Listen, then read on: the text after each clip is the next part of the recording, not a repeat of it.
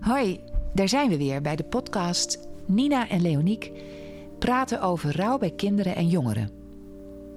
We nemen jou vandaag weer mee in de wereld van het rouwende kind. Dat doen we ook vandaag weer met koffie en een stukje chocola. Want chocola schijnt ervoor te zorgen dat je je beter voelt. En dat kunnen we bij dit onderwerp goed gebruiken. Ik ben benieuwd. Over welke tip gaan we het vandaag hebben? Dat ga ik jou vertellen, Leoniek.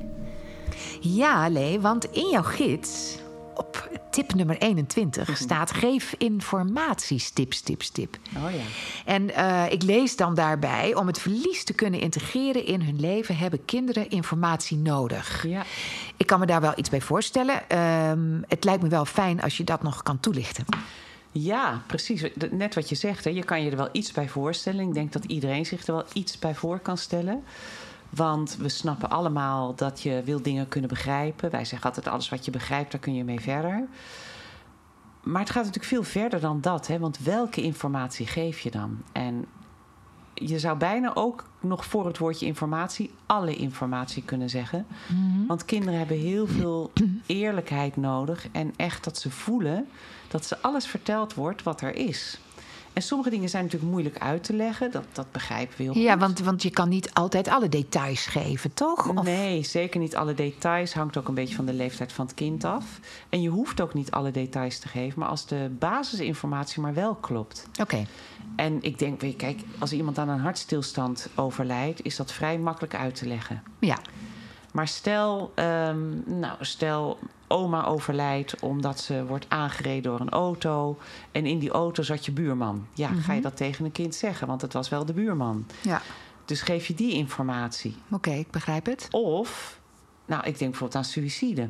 Ja. Ah, Als, als bijvoorbeeld een ouder niet meer verder kan leven en zich suïcideert, ja, hoe vertel je dat aan een kind? En dat maak ik natuurlijk in mijn praktijk wel heel veel mee. Ja. Ja, dus dat kom je wel vaak tegen. Ja, dan, En ja, nou, dan word ik gebeld door een, door een ouder. En dan is, Hmm. heel vaak is dan het verhaal van ja, ik heb gezegd dat zijn hart gestopt is met kloppen. Maar ja, Ja. het voelt niet fijn. oké. En dan zeg ik altijd, nou, gelukkig heb je redelijk de waarheid gesproken. Want het hart is ook wel gestopt met kloppen. Ja. Maar kinderen hebben enorme voelhorens. En die voelen gewoon dat er iets niet klopt aan de informatie die ze krijgen. Of dat er informatie ontbreekt. Mhm. En dan zit je als ouder aan de telefoon en je kind komt binnen. En je zegt, oh, ik moet gauw ophangen hoor. Of, oh, daar komt Jantje.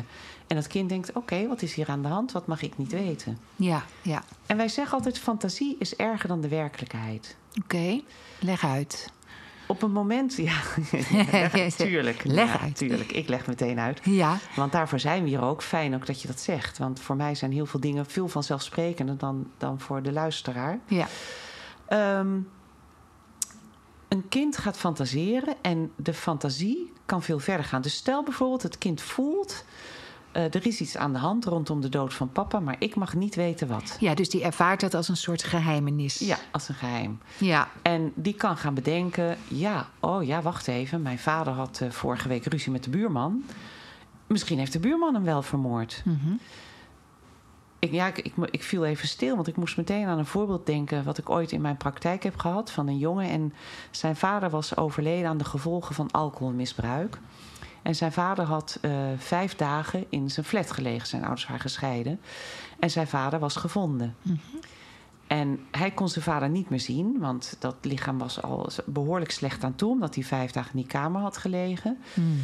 En zijn moeder vond het heel moeilijk om te vertellen waaraan zijn vader was overleden en waarom hij hem niet meer mocht zien. Want die dacht: ja, als ik dat vertel, dan houdt hij de rest van zijn leven een beeld van zijn vader met, met een verschrikkelijk, hè, bijna Ja, niet, niet prettig. Nee, niet prettig. Dus ze heeft dat niet gezegd. Maar die jongen die liep daar echt op vast. Die was bij mij in therapie. En die liep daarop vast dat hij niet wist wat daar nou gebeurd was. Oké. En hij had dus echt de fantasie, dus daarom kwam ik er ook op... dat zijn vader ruzie had gehad met de buurman. Want hij wist dat die buurman en zijn vader... dat ging niet lekker. Dat had hij al vaak genoeg gehoord van zijn vader. Ja, ja, Dus ja. deze jongen was echt, had echt de waarheid nodig. Ja, ja. Maar even terug naar die suïcide.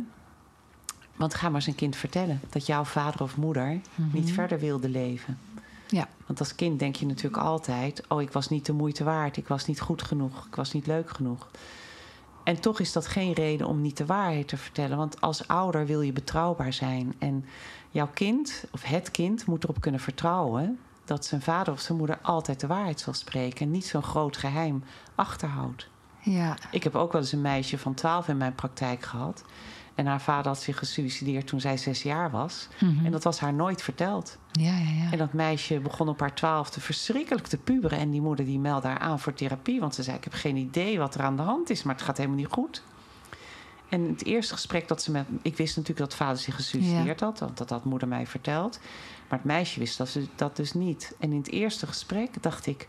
Dit meisje weet het gewoon. Dit meisje weet dat er iets niet klopt. Ze voelt het, Ze voelt het inderdaad. maar ze kan er nog niet helemaal de vinger op leggen. Nee.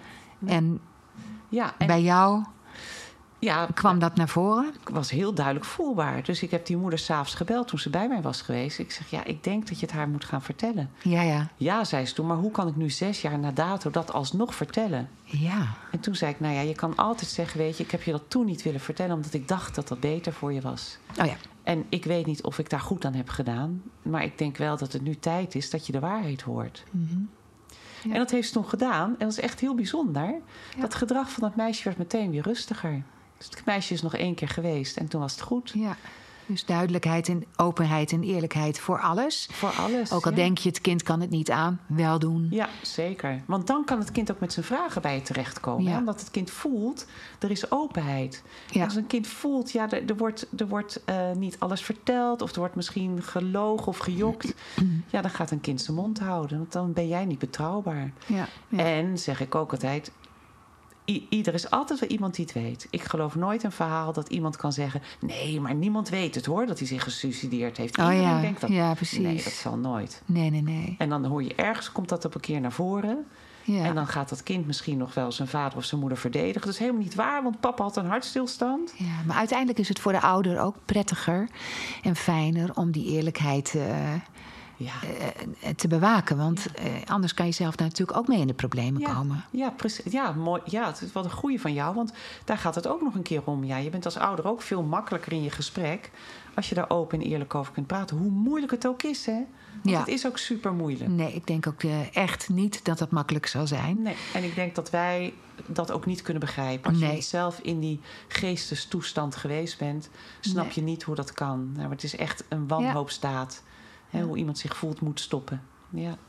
Maar niet dat het kind eh, niet leuk genoeg was. Dus dat vind ik ook altijd. Als je dat zegt, vertelt aan het kind...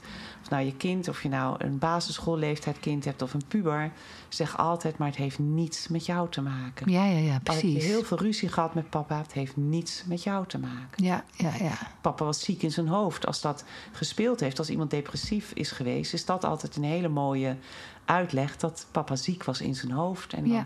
dan kan je dat weer verder uitleggen. Dat gaat misschien te ver voor hier. Ja, als mensen daar vragen moment. over hebben, kunnen ze altijd even mailen. oké. Duidelijk. Geef informatie. Deze tip die, eh, geeft heel veel helderheid meteen. Ja. En eh, ik denk inderdaad niet dat het eh, makkelijk, makkelijk zal zijn. Zeker niet.